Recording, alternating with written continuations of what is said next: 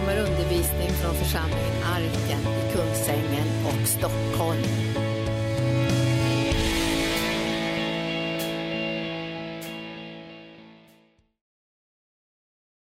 Halleluja. Vi välkomnar dig helige Ande.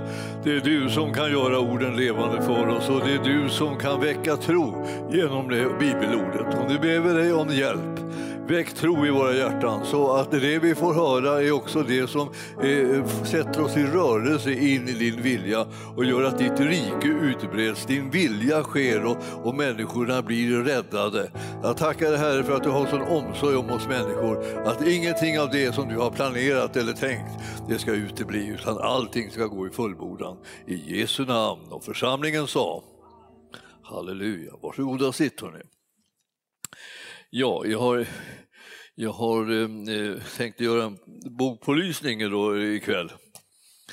Och eh, den har jag redan pålyst någon gång i, tidigare, men eh, ja, jag eh, pålyser den igen därför att eh, eh, den här boken skulle jag önska verkligen att ni läste. Därför att en avgörande bok eh, eh, och den är, den är så enkel och den innehåller 33 frågor och 33 svar. Alltså du behöver inte kunna svaren på alla frågorna så det blir jättesvettigt. Utan, utan det är alltså så 33 frågor och 33 svar. Och eh, huvudfrågan är, är påven svaret? Ja, man måste fråga sig det eftersom påven har sånt inflytande och är den största kyrkan som finns i, i hela världen. Och eh, då är det det som han håller på och undervisar och representerar, är det svaret på det liksom, eh, på den kristna tron och vad, vad, vad det innebär att följa Jesus. Och eh, det här, då presenteras det liksom vad det är man lär då, vad man tänker och vad man tycker och vad man, hur, vilken inställning man har och hur man liksom tar reda på sanningen och sådär. Det, det beskrivs i den här lilla boken. Det är Thomas Dixon som har skrivit den Eh, och eh, eh, han kommer från Tyskland, har kommit in, in i den karismatiska väckelsen när han kom hit här till Sverige. Men han har vuxit upp i ett katolskt hem. Och, och han, han har så att säga respektfulla tankar liksom om, om katolicismen och människor som lever i den katolska kyrkan och dess närhet. Men han har också eh, liksom en, en bibelsyn som eh, liksom eh, skiljer sig ganska mycket. Och det vill säga, han, han är övertygad och litar på att Bibeln är Guds ord och Guds sanning så att det är där man hämtar huvudsakligen så att säga och enbart kan vi rent av säga också information om vad Gud vill och vad Gud har gjort. Så den här behövs, behövs det vi, behöver vi kunskap om. För några år sedan när jag, jag säger så här, några år sedan när jag växte upp det blir ju ganska länge sedan när jag tänker efter, det var ju, väldigt, det var ju bra länge sedan. Men så, när, när jag var ung så, där, så, så, så katolicismen, alltså, det tänkte man inte så mycket på för att eh, jag, jag, tror inte jag hade mött någon eh, under min uppväxt utan då var alltihopa bara lutheraner. Jag tänkte inte, tänkte inte på frikyrkor heller alltså, överhuvudtaget. Eh, utan det var lutheraner vart ögat såg. Så vände man sig åt höger och vänster så stod det en lutheran. Och, eh, och, eh, och alla gick i kyrkan kändes det som. Lutherska kyrkan och så. Och, så. och jag, jag, kände, jag kände att det var en värld som en annan värld. Liksom, så att säga. Men den världen som är nu och så småningom så började jag märka liksom att, att frikyrkorna blev ganska stora, de växte till sådär. Och, så, och, och, och, och den, eh, pingstkyrkorna var ju som var det största liksom, frikyrkosamfundet eh, efter det att Missionsförbundet hade haft den rollen eh, under en lång tid. Men sen, eh, sen visade det sig att katolska kyrkan började bli den största frikyrkan i Sverige. Och, och det berodde på att väldigt många som invandrade kom från katolska länder. Och, och, och så blev det liksom en väldig tillväxt av den, den kyrkan. Här. Och eh, då tänkte jag, ja, eh, då började vi ana så småningom att vi, visste inte riktigt någonting om katolska kyrkan eh, i Sverige. Vi visste inte vad det var för någonting riktigt, vi visste inte vad de trodde på, vi visste inte vad de stod för och ingenting. Och, eh, och sen så småningom så gick tiden och snart började vi ana att vi visste inte vad lutherska kyrkan var heller. Eh, vad den trodde eller vad den stod för eller någonting visste vi inte heller. Till slut så kan man känna liksom att hela svenska folket visste ingenting egentligen om någon religion och någon tro. Och inte någon variant av kristen tro känner man dem särskilt till. Utan fanns det kristna så gick de omkring och kände sig oerhört udda och eh, annorlunda. Men eh, Herren hade en annan plan med det här. Och så småningom så bröt det ut en väckelse som nu är den största väckelsen som finns i hela världen. Och någonsin har varit så stor som den är som är, som den är, som är nu, den karismatiska väckelsen. Den sprider sig överallt. Och vi känner inte av den särskilt mycket här. Men, eh, men om man tänker så här, världsvitt så är det ju så att den karismatiska väckelsen, det vill säga den, den slags pingsväckelse som liksom går igenom alla de här olika eh, frikyrkliga samfunden och även eh, en del statskyrkor och, och, och liksom äldre kyrkor blir också berörda av den. Så folket blir berört av alltså, en väckelse som är stor. Och vi, vi som känner till den här väckelsen men liksom har, sitter i utkanten så att säga, utav det, det skeendet. Eh, vi, vi förstår inte riktigt hur, hur stort det här är. Men, men alltså när den rör sig runt hela världen då är det liksom ett, som ett bönesvar för Guds folk. Tänk att det, kommer alltså, att det är så många människor i de olika världsdelarna eh, som bekänner sig till Jesus Kristus. Och många betalar ett högt pris för att de gör det också.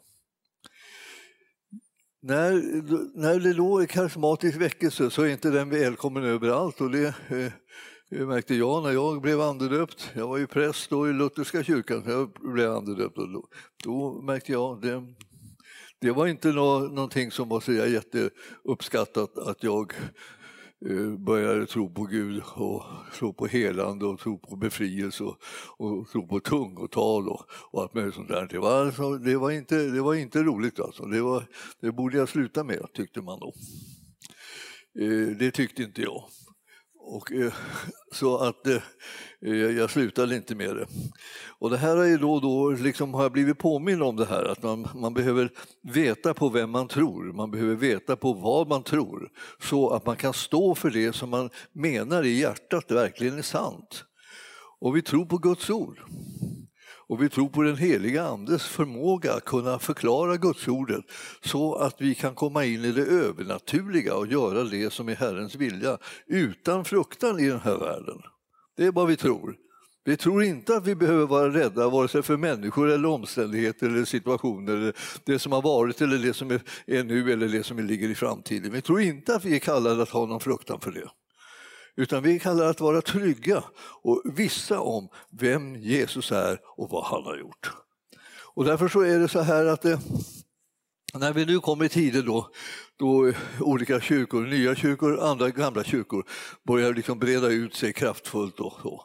Ni har kanske märkt att vi har fått lite olika besök från påven och hans representanter här i Sverige, vilket är en helt liksom, häpnadsväckande utveckling. Det trodde man aldrig skulle hända nästan, för vi har varit de, liksom, de, de som har stått så att säga, på varsin sida om, om bibelordets sanning, om vi säger, och vi har sett olika på det här.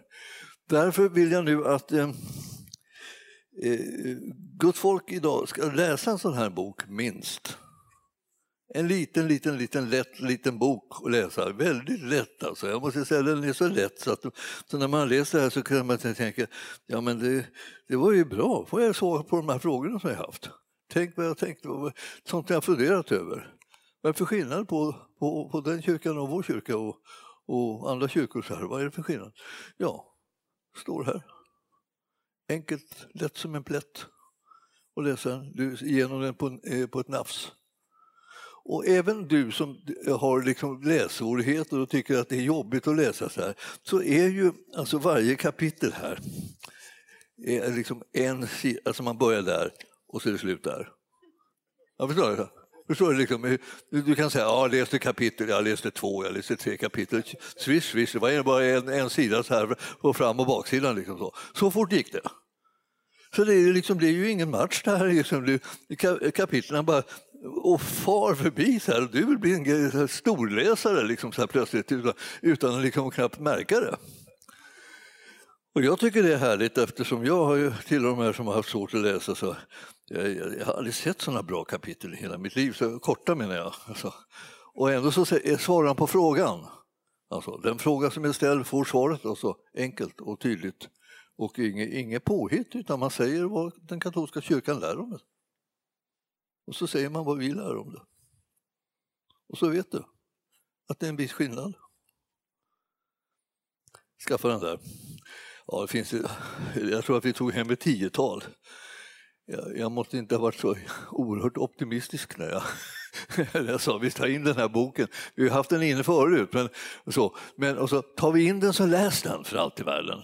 Liksom, låt den inte ligga där liksom, och bara bli, sega, bli, sega, bli liksom, damma ihop liksom, på nattduksbordet. Vi brukar säga det, vi, man har böckerna på nattduksbordet. Nej, man, ska ha, man ska ha dem i hjärtat, liksom, man ska in med dem bara och så att man får del av det ordentligt.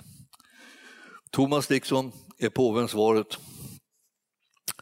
Man kan, ju, man kan ju möjligen skvallra lite grann på den här boken och säga att svaret är nej. Men var, varför är det så? Jo, därför att vi inte är överens om att, vad, vad, vilken roll och plats Bibeln har i, i kristnas tro. Och det behöver vi vara överens om för att annars så går inte det här så bra. Ha, då ska vi gå in i bibelordet och eh, titta lite grann där. Vi ska gå till kapitel 4 i Apostlagärningarna och jag eh, just talade om det här med hur det var när man, när man hade fått en tro på Jesus så, så blev det någonting väldigt eh, annorlunda med ens liv. Alltså det, det blev starkt alltså det, och, och, det blev in, liksom inte någonting så som, man, som bara liksom inte betydde någonting eller bara att man hade en åsikt. Att tro på Jesus är inte en åsikt. Det är en övertygelse, en brand, en eld som vi har fått in i hjärtat. Och vi älskar honom och vi vill följa honom och vill göra hans vilja i den här världen. Och ju mer vi vet om den här viljan desto klarare vet vi att nu går vi på hans väg. Och Jesus säger att han själv är vägen. Så att vi, det, är, det är inte så, vi kommer inte vilse när vi följer Jesus, det är han som är vägen. Och han är vägen till himlen och han är vägen liksom som man ska gå på när man ska göra hans vilja. Så, så är det så att då följer man Jesus, då gör man som han gjorde, då talar man som han talade, då gör man hans gärningar och så här. Det, då gör man de övernaturliga tingen med samma kraft och smörjelse som man själv gjorde, nämligen med den heliga andes kraft. Så när vi, när vi, vill, när vi vill se hur, hur Gudsriket liksom kommer med kraft och smörjelse och är verksam, då, då, då kopplar vi ihop med den heliga Ande och, i tron på Jesu gärning och så följer vi honom och så gör vi de här sakerna. Och det här är, det här är någonting som är så, så det är både självklart och, liksom och eh, lite så, så lätt att missa. Alltså att vi ska göra som han. Eh, det står så här om, om, om Jesus så här i, i vers 12, 4 och 12 i Apostlagärningarna, kapitel 4 och vers 12. Hos ingen annan finns frälsningen. Inte heller så finns det under himlen något annat namn som givits åt människor genom vilket vi kan bli frälsta. Alltså det finns liksom inget annat namn som gäller när det gäller frälsning. Frälsning betyder ju räddning, men räddning som i den bemärkelsen att vi var fångna innan vi blev räddade. Frälsning betyder att den som var slav eller var fast i allt möjligt som finns i den här världen eh, och i alla möjliga olika religioner och kulta strömningar och vad det kan vara för någonting. Den som har suttit fast i det, den blir, den blir löst ifrån det. Det betyder frälsning. Frälsning betyder egentligen så att man, man får halsen fri. För på den tiden som det, var, eh, som det här är skrivet, då hade man eh, ett sätt att markera liksom att en person var en slav. Och det var att den hade en ring runt halsen. Och i den så fanns det en ögla och i den öglan så kunde man sätta en liten krok så här och en liten, liten, liten låsanordning. Och sen hade man då en kedja eller ett rep eller sådär som man höll i då. Eh, medan den här slaven eh, var så pass ny så att den trodde att den skulle kunna, hade rätt att göra sig fri. Men efter ett tag, så när man gått och dragit den här personen hela tiden och, och hela tiden tvingat den dit den inte vill, så blev den så småningom så övertygad om att den kunde inte gå dit den ville själv, utan den måste gå dit ägaren drog den. Så då kunde man ta bort repet och så, så sa man bara kom. Och då trodde den inte att den kunde gå någon annanstans utan då gick den dit. Ja, det är ungefär som vi gör ibland när vi, när vi tränar djur. Liksom att följa oss och så. så. De måste få tro på att nu när, när husse eller matte säger kom eller gå, då, då gör de det. Därför att nu tror de att nu finns det inget att välja på. För nu har, nu, nu har ordet sagts. Och då är, då, är man, då är man en slav eller man är fast. Eh, ägaren tycker säkert att det är trevligt om, om man tänker så här, och den kommer, när jag säger kom så kommer den därför att den älskar mig. Och när jag säger gå dit, gå dit så går den dit därför att den älskar mig. Men, men i själva verket så har man drillat den i och tagit ifrån den liksom friheten att göra vad den själv vill och nu gör den det som ägaren vill. Jesus kommer till dig och mig när vi är i de där lägena att vi sitter bundna vid olika saker. Vi sitter fast i olika beteenden, i olika omdömen och olika situationer, olika eh, svårigheter. Och så, och så tar han bort den här eh, kedjan och, som, och, och, eh, ringen som du har runt halsen. Jag vill inte tro att, eh, att man inte kan ha på sig liksom ett halsband utan att det ska betyda någonting. Men men vi, ni förstår, alltså, när man gick förr så betydde det alltså att jag, jag är ägd. Det är någon som äger mig och, eh, och har makten i mitt liv. Och, eh, och, och, när, när Jesus kommer så står det så här att när, när han frälser en så är det ordet frälsa betyder att man gör halsen fri. Alltså man frihalsar denna som har haft den här bundenheten. Så man löser den från det här bandet. Så är halsen fri. Då kan jag gå dit mitt hjärta leder mig och inte vart någon annan tvingar mig till. Och så säger jag till er, nu är ni som tror på Jesus frälsta. Ni är lösta från slaveriet och nu, är ni liksom, nu tillhör ni Jesus, men det gör ni av fri vilja. Ing, han tvingar er inte. Det är en del som skulle tycka att det vore mycket skönare om han tvingade oss lite mera. Så kom vi på rätt väg helt och hållet och springer inte omkring och springer vilse och har oss. Så, eh, och en del till och med tänker så här, ja, så ska jag be. Jag ska be att, att, att han ska strunta i vad jag tycker och så ska han bara tvinga mig liksom på den vägen som är rätt och så får, så får jag komma rätt. Men så det där tilltalar inte Herren. Det kanske skulle du tycka att det vore bekvämt, men han väntar på att du ska vilja göra hans vilja. Du ska älska, längta efter att göra hans vilja. Det är det som han vill att ska hända med, med dig och ditt hjärta. Att du ska vilja göra det här frivilligt alltså. Och när du gör det frivilligt, ja, då, då, då älskar han att se att du kommer och att du går och att du gör de här sakerna som han har sagt och talat med dig om. Men, eh, men eh, han vill inte tvinga någon. Så eh, när du väljer att följa Jesus då, då kommer det in en frimodighet här. Så att det här är ju så att det, det finns ingen frälsning, så att säga, någon räddning från det här slaveriet i, i omständigheterna, i situationerna under, under ekonomin eller under eh, ohälsa liksom, och sjukdomar av olika slag. Det finns ingen liksom, eh, frihet eller frälsning från det eh, någon annanstans än i namnet Jesus. Och därför så proklamerar vi det här namnet överallt och vi talar om det och vi vittnar om vad han betyder för oss. För att det, det här är det, det namn som har givits till människorna för att de ska kunna bli fria, för att de ska kunna bli hela, för att de ska kunna bli, bli, bli starka och, och för att de ska kunna eh, liksom göra sig, lösa sig så att säga, från omständigheterna i hans namn. Det är namnet över alla andra namn. Man får kalla sakerna för vad som helst men hans namn är mycket starkare och mycket, eh, eh, väger mycket tyngre. Så när i det namnet uttalas så kommer människor kunna komma ut i frihet. I den här, i, i det här på det, liksom platsen liksom i samma kapitel här, lite längre ner så står det att eh, man, det stora rådet här, de, de, tog in de här första lärjungarna och ställde dem till svars.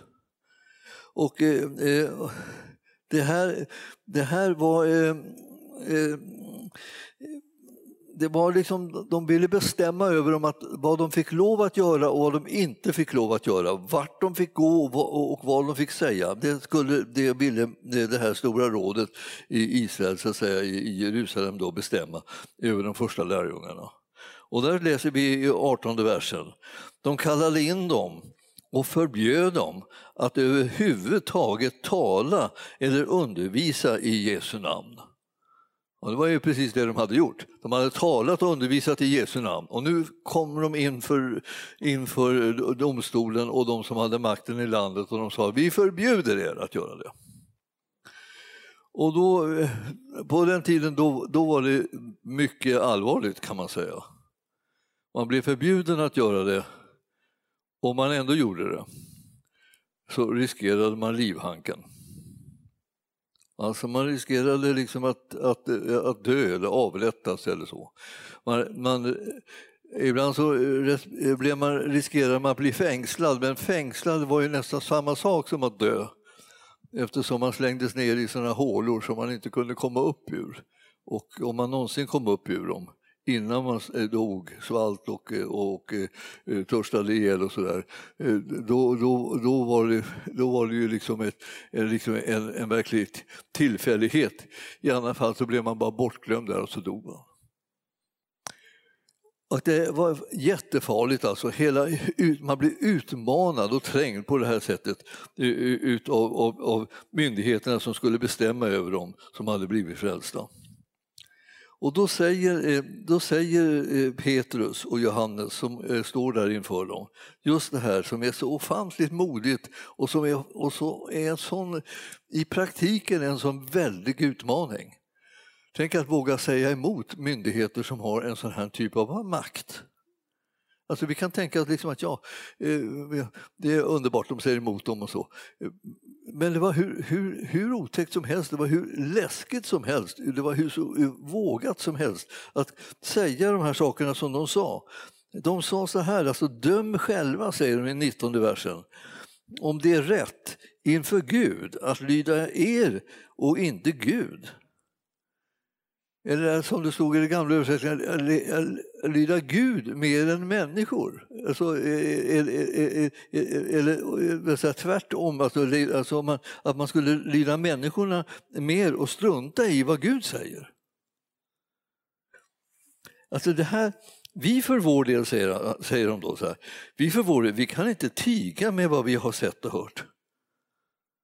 De, de, de, står där inför de här domarna som har makt över deras liv kan man säga och säger ledsen. Det blir ingenting, jag rättar mig inte efter vad ni säger för jag har fått det här ifrån Herren att jag ska göra det på det här sättet och jag tänker följa honom och inte er. Alltså, något mera oförskämt kan, kunde de nog inte tänka sig. De var vana vid att folk böjde sig och så. Men alltså, nu stötte de på några Eh, eh, några som de inte riktigt visste vad de skulle göra med. Och eh, då så, så, så står det så här i vers 21.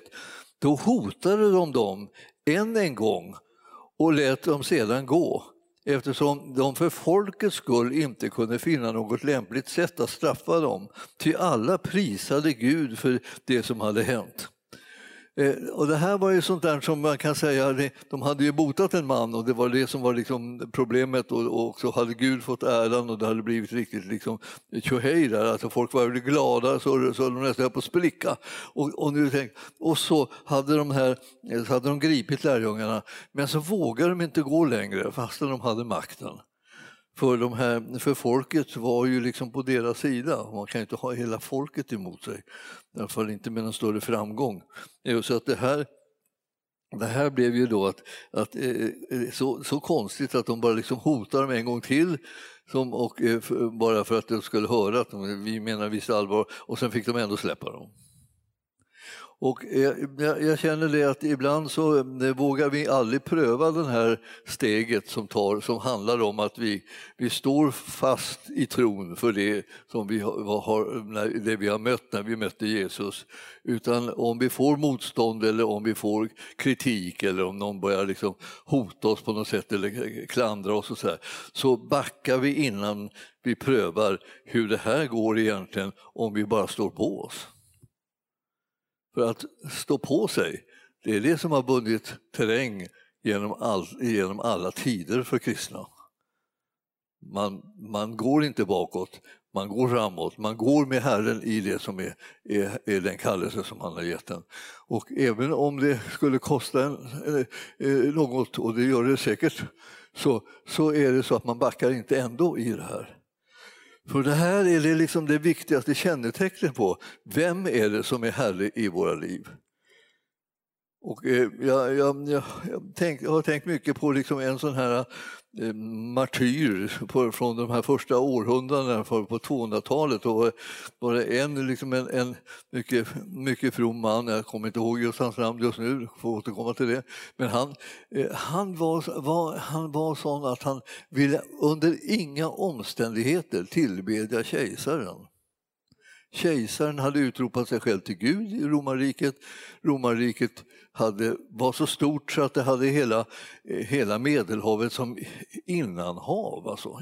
Det låg, Medelhavet låg i romarriket. Nu har vi kryllar vi har länder runt omkring så här. Då var det bara ett land, ett enda land som hade makten överallt. Alltså i, i Afrikadelen och liksom upp i Europa och hela vägen bort till, till, till uh, Turkiet och, och, och, och uh, Mellanöstern och ner i Egypten och så hela vägen ja, romarriket. Och det här, liksom, att det, då krävde man att varenda en skulle offra till kejsaren som gud. Och det utmaningen blev, det skulle man bara göra till det, det minsta offret som man kunde göra, som kunde godkännas var att man tände lite rökelse till hans, framför hans bild, kejsarens bild.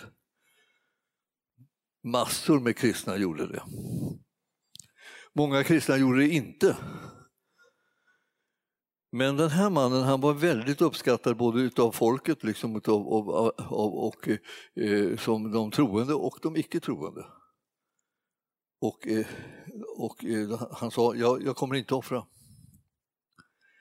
Och de troende de bad honom på sina knän att han skulle liksom offra. Bara. Det spelar ingen roll, bara lite rökelse är ingenting. Bara tänd lite rökelse liksom, så är det gjort. Liksom. Vi kan inte liksom, eh, klara av att du ger ditt liv här och är borta. Vi behöver dig. och så där, talar de. Och, och de icke-kristna sa så här, det går inte att en man som, är så, som har sån, sån kaliber som du och som är så, så ett sånt moraliskt så att säga, föredöme och som visar en sån kärlek och sån omsorg om människor i vårt samhälle eh, får inte dödas bara för att den inte vill tända lite rökelse. Tänd rökelsen! Alla skrek liksom till att tänd rökelsen! Och han vägrade. Och, och, eh, och han, han dog liksom på arenan, de slängde in honom liksom till bland vilddjuren som underhållning då. Vad, vad blev det för resultat då? Alltså, det vart en enorm våg utav människor som, som eh, såg så där mycket betydde det för den här mannen, som var en sån fin man, alltså, att hålla sig till Jesus.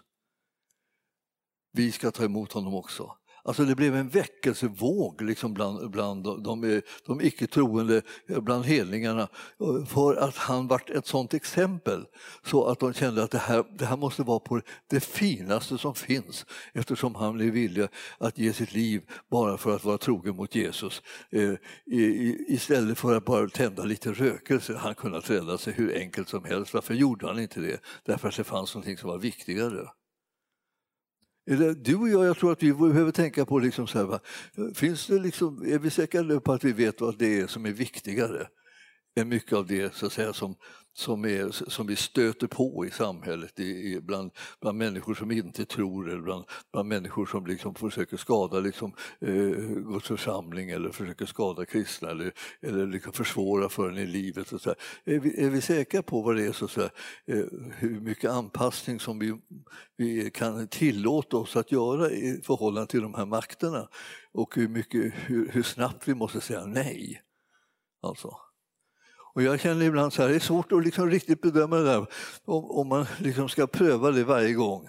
För varje gång liksom så kan det bli så att man blir lite svagare och lite, lite, liksom lite mera medgörlig och, och tänka att det, det är väl inte hela världen. Och man kan tänka resonera sig in i att jag ger efter. Jag, jag, jag, jag ska inte bara liksom så här, vara liksom jättestel och, och, och obändig utan jag, jag, jag, jag anpassar mig. Men du vet att vi inte kallar det till anpassning. Vi kallar till att vara vittnen i den här världen om att det finns ingenting viktigare som vi någonsin har mött i livet än att vi fått lära känna Jesus. Han är Guds son och han är världens frälsare och utan honom så är vi absolut ingenting. Och med honom så kommer vi att övervinna eh, allting. Han är liksom räddningen som du och jag har fått. Och där, vi ska ta och titta på det där, för den räddningen ser ut på många sätt. Det är inte bara det att han räddar oss liksom i livet så här, utan han räddar oss också i alla möjliga livssituationer som uppkommer. Inte bara från döden utan liksom från, från omständigheterna som vi lever i. Och, och vi ska gå till Johannes eh, 16 kapitel och, och titta där. Där finns en sån här, eh, det handlar om bön faktiskt. Och det, och det, det, är, så, det är så imponerande kan man säga hur, hur, hur Jesus undervisar om bön. Han, han säger liksom, om ni kommer på det här vad bön är så kommer ni märka liksom, att Gud har gett sådana fantastiska löften till er i Jesus Kristus om, om att få bönesvar när ni ber. Så att ni, ni skulle kunna jubla dagarna i ända, liksom, om, ni, om ni kommer ihåg det. Vi, vi, vi behöver liksom en slags påminnelse om att Gud är inte så här, vi, vi ber till honom, vi ropar till honom, vi, vi, vi gråter, vi, vi, vi, gör allt liksom bara för att få honom liksom på, på vår sida, liksom så här, eh, för att han ska vilja ge oss det som vi ber om. Utan det är tvärtom så, han vill det mycket hellre än vad vi vill som ber. Alltså vi kunde tänka, ja, och så blev det ingenting då, liksom, och så fick vi ingenting eller så, så här, det blev inte av. Så, ja, eh, då, då, får vi, då får vi försöka se om vi kan fixa det på något annat sätt. Kanske vi tänker vi kanske ordnar det själva, liksom, eller, eller vi, som jag brukar säga, eller så ringer vi mamma. Eller någon annan så här, någon person som vill liksom stå nära som ska fixa, som kan eh, kanske låna mig lite pengar eller hjälpa mig med någonting så här, något praktiskt. Så här. Ja, vi kanske gör det. Eh, ja, alltså, vi, vi har en slags en, en, liten, liten utväg som vi ska använda då. Men, men, men Herren säger, har ni inte hört vad jag har lovat? Ni behöver inte ha några andra utvägar, ni behöver bara tro på det som jag har lovat er. Om ni, om, ni, om ni vet vad jag har lovat er så kommer ni veta att vad ni kommer få för svar när ni ber. Och jag känner att det här, att det, det här med svaret, det, det, det, handlar om namnet Jesus igen. De, de blev förbjudna här att tala i namnet Jesus, förbjudna att använda det namnet. Då. Men här ser ni att eh, eh Jesus säger eh, om bön eh, i 16 kapitlet i Johannes evangelium och vers 23 att den, här, den dagen, alltså när vi kommer till den här stunden då det liksom verkligen ska bedjas nu då, så kommer ni inte att fråga mig om något. Amen, amen säger jag er. Vad ni ber Fadern om i mitt namn, det skall han ge er. Har ni hört på maken vad han lovar dig? Alltså det här är inte någonting som han lovar, liksom, han lovar apostlar. Liksom, Om ni är apostlar allihopa, då, då, då, då kommer han ge er bönesvar. Jag frågar inte alls om, om, om de är apostlar, utan han säger bara liksom till dem att så här ligger det till. Va? Att om, om, ni, om ni ber till mig då, i mitt, eh, eh, ber, i mitt namn, ber Fadern, så ska han eh, eh göra så att han ger er det som, eh, som ni ber om. Jag tänker, det här är ju häpnadsväckande, det måste finnas någon liten hake någonstans. Annars skulle man ju få allting man bad om. Va? Som man sa. Det vill säga, ja, det, det är ju så att han, man ska bedja om sånt som han lovar ge, att han ska ge en. vad, ska, vad har han lovat att han ska ge dig? Och då kan det hända att du liksom inte sitter inne med svaret riktigt på den där frågan. Vad är det han har lovat att han ska ge mig? Alltså, det, det, är ju inte, han har inte sagt, ja, han har lovat att ge dig lite, lite, lite, har han lovat att ge dig så här lite. Får Inte så, inte så att du liksom går, går i taket liksom på huvudet, liksom, eller tjuter och skriker så och tacksamhet eller så, utan han har du ska kunna behålla din värdighet och sådär. Alltså, här säger han till dem, alltså hittills har ni inte bett om något i mitt namn. Alltså i namnet Jesus bett någonting. På grund av vad han har gjort och vem han är så finns det en frimodighet som du och jag kan ha när det gäller bönen. Vi ska använda oss av den frimodigheten. Be, säger han, och ni ska få för att er glädje ska bli fullkomlig.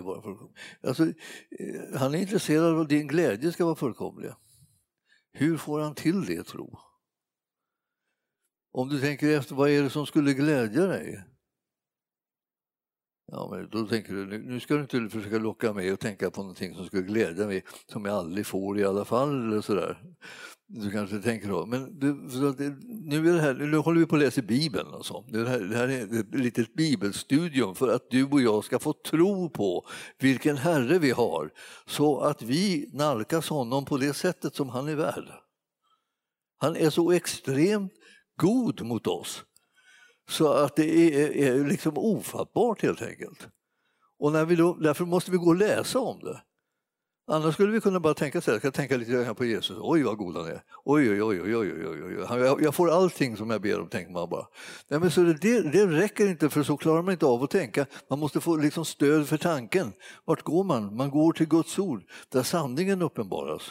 Och då säger han, som är sanningen, att, att vi ska be i hans namn. Och eh, för att vår glädje ska bli fullkomlig. Och vi ska få det som vi ber om. Han tycker att det vore trevligt om vår glädje blir fullkomlig. Ja, men det där känner jag inte igen så här om jag tänker att mitt liv och mitt böneliv där man kämpar liksom, och beder och, och ropar och härjar och har sig liksom, över olika saker och man liksom, liksom riktigt ska satsa så för att man ska kunna få bryta igenom och, och allt vad man kallar det för. Eh, vem är det som ska bryta igenom? Ska du bryta igenom Herren eller? Eller vad ska, vad ska, ska, ska du bryta? Är det, är, det, är det en massa eh, mörker som står i vägen som du ska bryta igenom då? Så, så du, du kämpar och skriker högt för då bryter du igenom det. Alltså, det, vad, vad, är, vad, är det som, vad är det som har övervunnit den här världen med dess mörker? Kan det det bibelordet?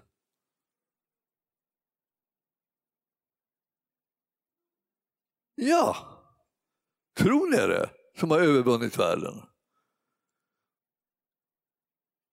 Därför, därför är det så det här är ju som man måste inte tänka så här, ja det är inte så att jag liksom skriker högre än andra eller fäktar, hoppar och skuttar och har mig liksom och, och, rullar hit och dit och, och, liksom, och hänger mig liksom för att eh, för engagera, jag måste försöka engagera Jesus i liksom bön, att ge mig bönesvar. Utan det är tron. Och tron kommer av predikan. Och predikan kommer i kraft av Kristi ord. Vad var det här? Kristi ord. Så. Då kommer du och jag liksom att behöva tänka lite allvarligt på det här, liksom om vi, hur vi ska tänka på det här. Är det här. Om det här är Kristi ord och han säger att vår glädje ska bli fullkomlig och att han vill ge oss det som, eh, som vi ber om när vi ber i hans namn så kommer det Fadern att vara den som är, har den inställningen att han ska ge oss bönesvar. Då, då, då, är det här, då är det här ju helt enastående, då skulle ju hela vårt liv förändras. Om vi hade tro på att det är som han säger. Och, och den tron kommer av att vi hör vad han säger. Och hör och hör och hör och hör och hör och hör vad han säger. Så att vi slutar upp och tänka världens tankar och istället tänker Guds tankar. Alltså jag, jag känner att det, det fanns ju tider då vi, då, då vi ja, när vi var i trosväckelsens begynnelse, det var ju så, då var, var vi som sjövilda liksom på något sätt. Och vi, då, då åkte, jag, åkte jag bil med en, en broder liksom till olika möten då och då. Och, då hade, och han, han trodde att, att om han bara hade alla bibelorden i, i sig eh, liksom, och kunde bekänna sig till dem, då hade han, svar, hade han allt det som Herren hade utlovat. Så när vi körde bil där, då hade han klistrat upp liksom, bibelställen på insidan av, av vindrutan. Va? Och så hade han, det fanns en liten glipa i mitten där jag fick sitta och hoppas att han såg vägen. Och så medan, medan vi, vi åkte då till mötet så, så bekände han alla bibelställena. Liksom så bekände han och läste det ena löftet efter det andra. Han höll på, han höll på, han höll på. Och jag satt och så på nålar så här, liksom, tänkte, kan, vi, kan vi inte ta dem sen när vi har kommit fram? Nej, alltså, ja, man ska alltså ständigt, ditt ord ska ständigt vara i min mun. Ja, han, hade, han, hade, han hade ett bibelord som var svar på allting, liksom, kan man säga i stort sett. Men, men det, det, det, kändes lite nervöst och jag vet inte om det där överensstämde helt med Herrens tanke, eh, hur, hur, han skulle lösa det här. Och liksom, eh, visserligen eh, var det, fanns det inte sådana där fordon på den tiden då, men det här, det här var jag, jag kände, ja, alltså det fanns ju någonting i det här som var liksom sant alltså. Att man behövde få de här orden så in i sig.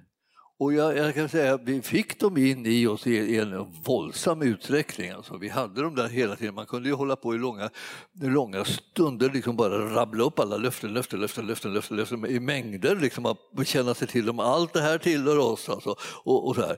Och, och det var sant. Och, och, och, så småningom så började det bli så att det blev som en, som en, en, liksom en del av ens liv. Man kände liksom övertygad om att det förhöll sig på det här viset.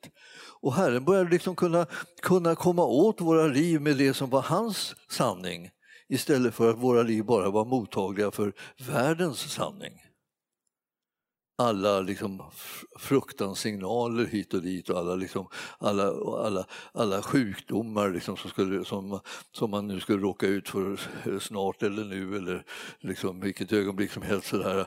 Alla de här sakerna, man hörde massa fruktan, massa fruktan, fruktan hela tiden så här. och man hörde det från, från, från världen och det trummades in. Men när vi trummade tillbaka liksom med de här bibelorden så blev så småningom blev vi mer än övervinnare.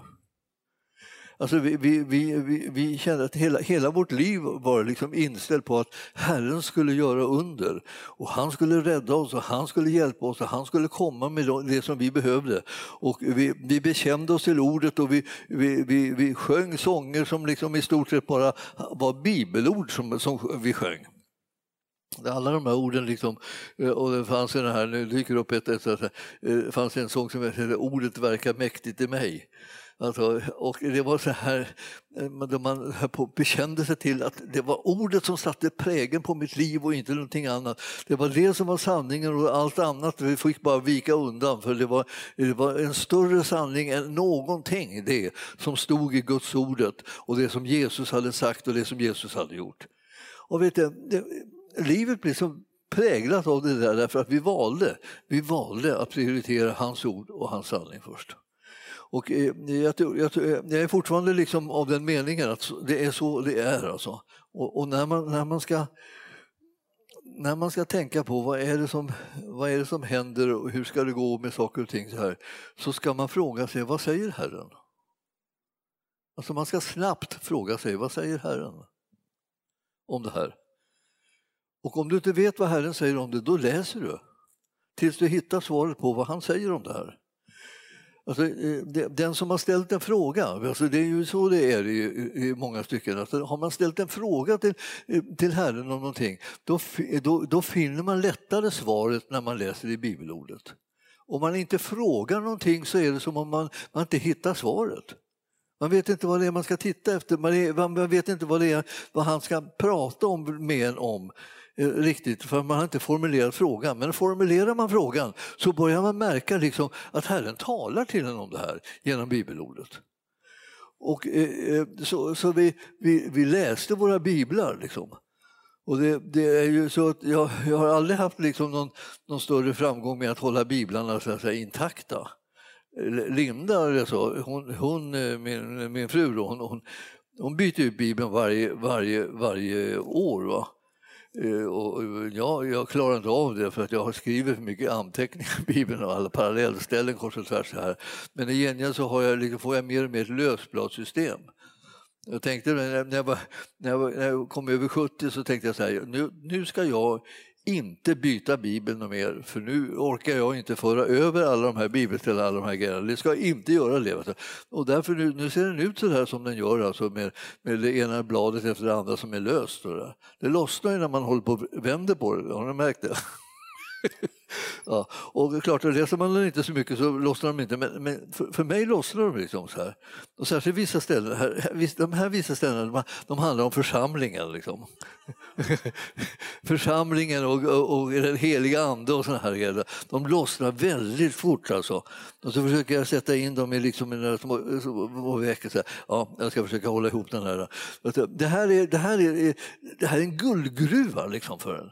Om man ska kunna övervinna fienden, om man ska kunna stå dem emot, om man ska kunna föra ut evangelium där det är mycket motstånd och många omständigheter, så, så måste man ha gudsordet i hjärtat och in i sig. Alltså. Och man kan börja med att man har några ord som man helt enkelt kan då. Ha några bibelord i dig som du kan. Så småningom så har du så många bibelord så du, du har för, nästan för varenda situation. Det bara dyk, de bara dyker upp när du liksom behöver dem. Så, här, fjup, så kommer de varande. Och, och det kan man ju tycka, åh, det ska man önska att det var så. Ja, och om du läser din bibel så blir det så. Man, man, man, man, man kan inte liksom riktigt låta bli. Alltså, eh, det, fanns en, det fanns en sång alltså. Eh, Nej, jag, jag tappar bort den nu. Den, den kommer säkert igen antagligen. Om den är värd att och, eh, nämna. Så, så kommer den väl.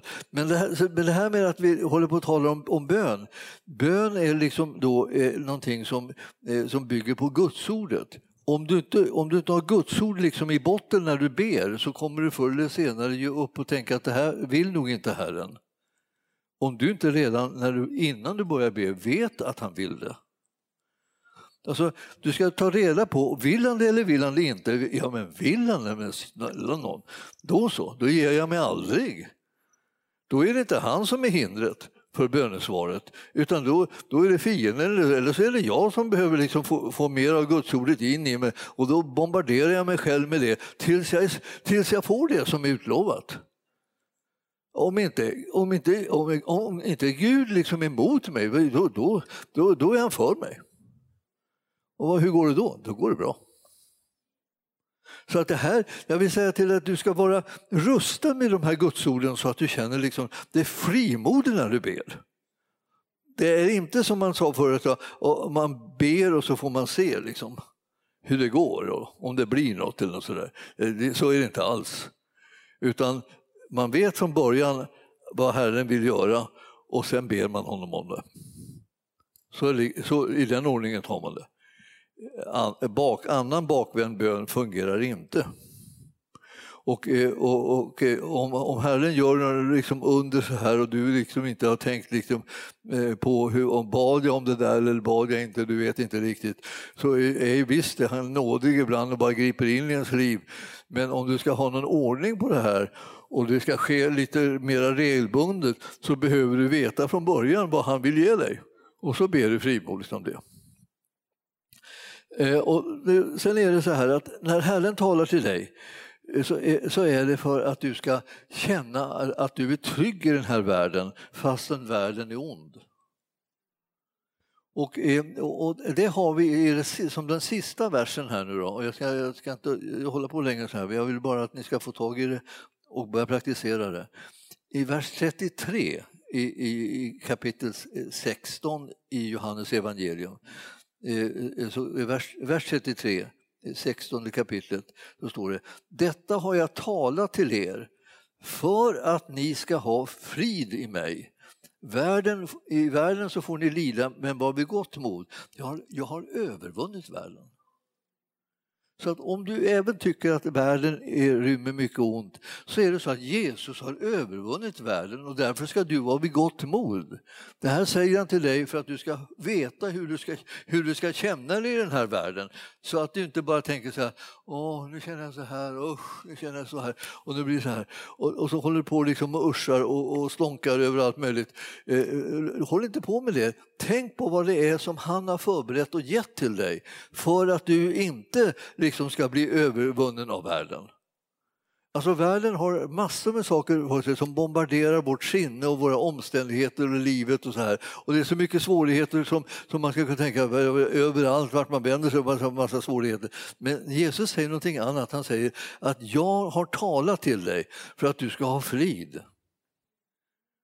Och Det betyder det att du går inte i taket och du ger inte upp och du blir inte orolig och du håller inte på och liksom på något sätt säger att allt är hopplöst och sådär. Utan det står, han säger där, det, ja, det, händer att ni får lida i den här världen men ni ska vara vid gott mod för han har, jag har övervunnit världen, säger han. Det är det vad du ska räkna med, att, att världen är övervunnen. Och jag tänkte visst, alltså, alltså, visst är det liksom goda nyheter att världen med dess mörker och ondska och synd och så, att den är övervunnen.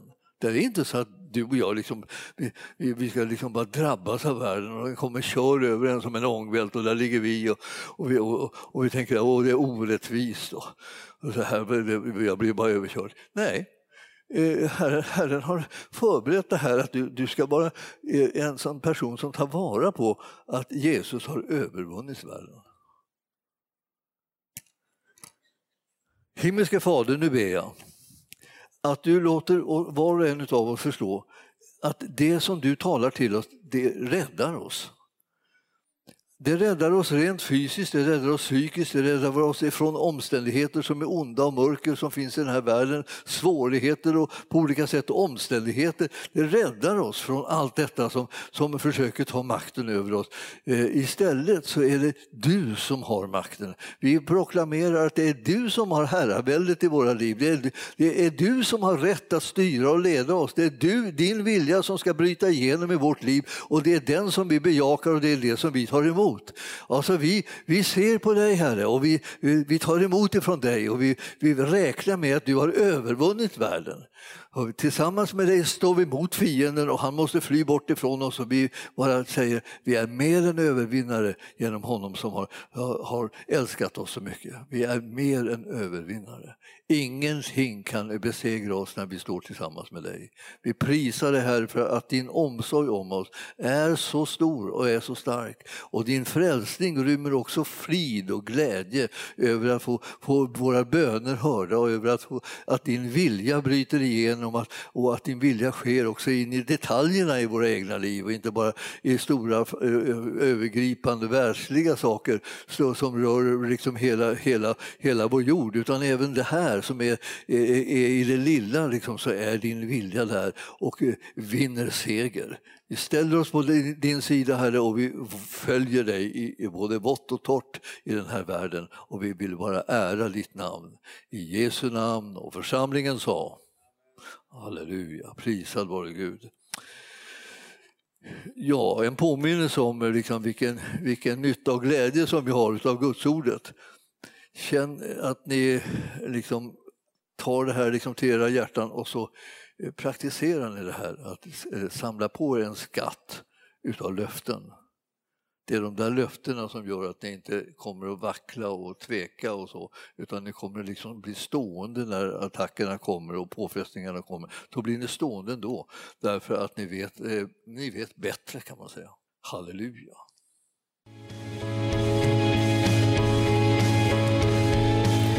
Tack för att du har lyssnat. Vill du få del av mer information om församlingen Arken, vår helande tjänst, bibelskola och övriga arbete, gå in på www.arken.org.